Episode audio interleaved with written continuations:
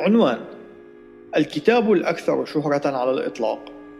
عنوان فرعي الحقيقة قادرة على أن تغير حياة البشر. الكتاب المقدس وإلى حد بعيد هو الكتاب الأكثر قراءة ونشرا على مر العصور ويقدر أنه قد تم نشر أكثر من 3.9 مليار نسخة منه في السنوات الخمسين الماضية وحدها. وعلى سبيل المقارنة فإن الكتاب التالي الأكثر نشرا هو الأعمال المختارة لماو تسي تونغ حيث تم نشر 800 مليون نسخة. كان رئيس ماو الذي توفي في العام 1976 ديكتاتورا شيوعيا صينيا. فرض أيديولوجيته الاشتراكية على الشعب وحكم بلاده بقبضة من حديد. وبالرغم من قوانينه الصارمة إلا أن تلك الأرقام ليست بمذهلة نسبة إلى عدد السكان الحالي البالغ 1.3 مليار نسمة. أما الذي يليه رتبة فليس كتاب واحد. إنما مجموعة من سبعة كتب في سلسلة هاري بوتر حيث تم نشر حوالي 400 مليون نسخة.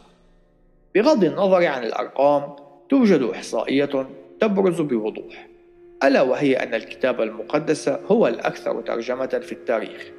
إذ تشير التقديرات إلى أنه قد ترجم بالكامل إلى ما يقرب من 518 لغة وأن أكثر من 1275 لغة أو لهجة حصلت على جزء من الكتاب المقدس إن لم نقل بأكمله.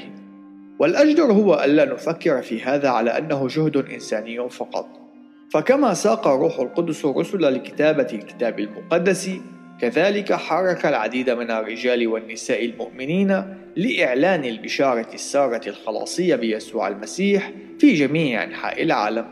لقد عمل عدد كبير من المبشرين على ترجمة الكتاب المقدس حتى إلى لغات القبائل الأصلية الصغيرة التي تعيش في مواقع نائية جدا. والقوة التحويلية للإنجيل قد غيرت أفرادا وأسرا وحتى بلدانا. إن عدد مخطوطات العهد الجديد التي تتوفر لدينا هي أكثر من أي وثيقة أخرى. ذلك على الرغم من أن عملية النسخ تستغرق وقتا طويلا. وفي سنة 1436 ساعد يوهانسن غوتنبرغ في تغيير طريقة نسخ الكتب إلى الأبد، وذلك من خلال تصميم طابعة الكبس الأولى، حيث أحدثت الطباعة والحروف المتحركة ثورة في إنتاج وتوزيع الكتب.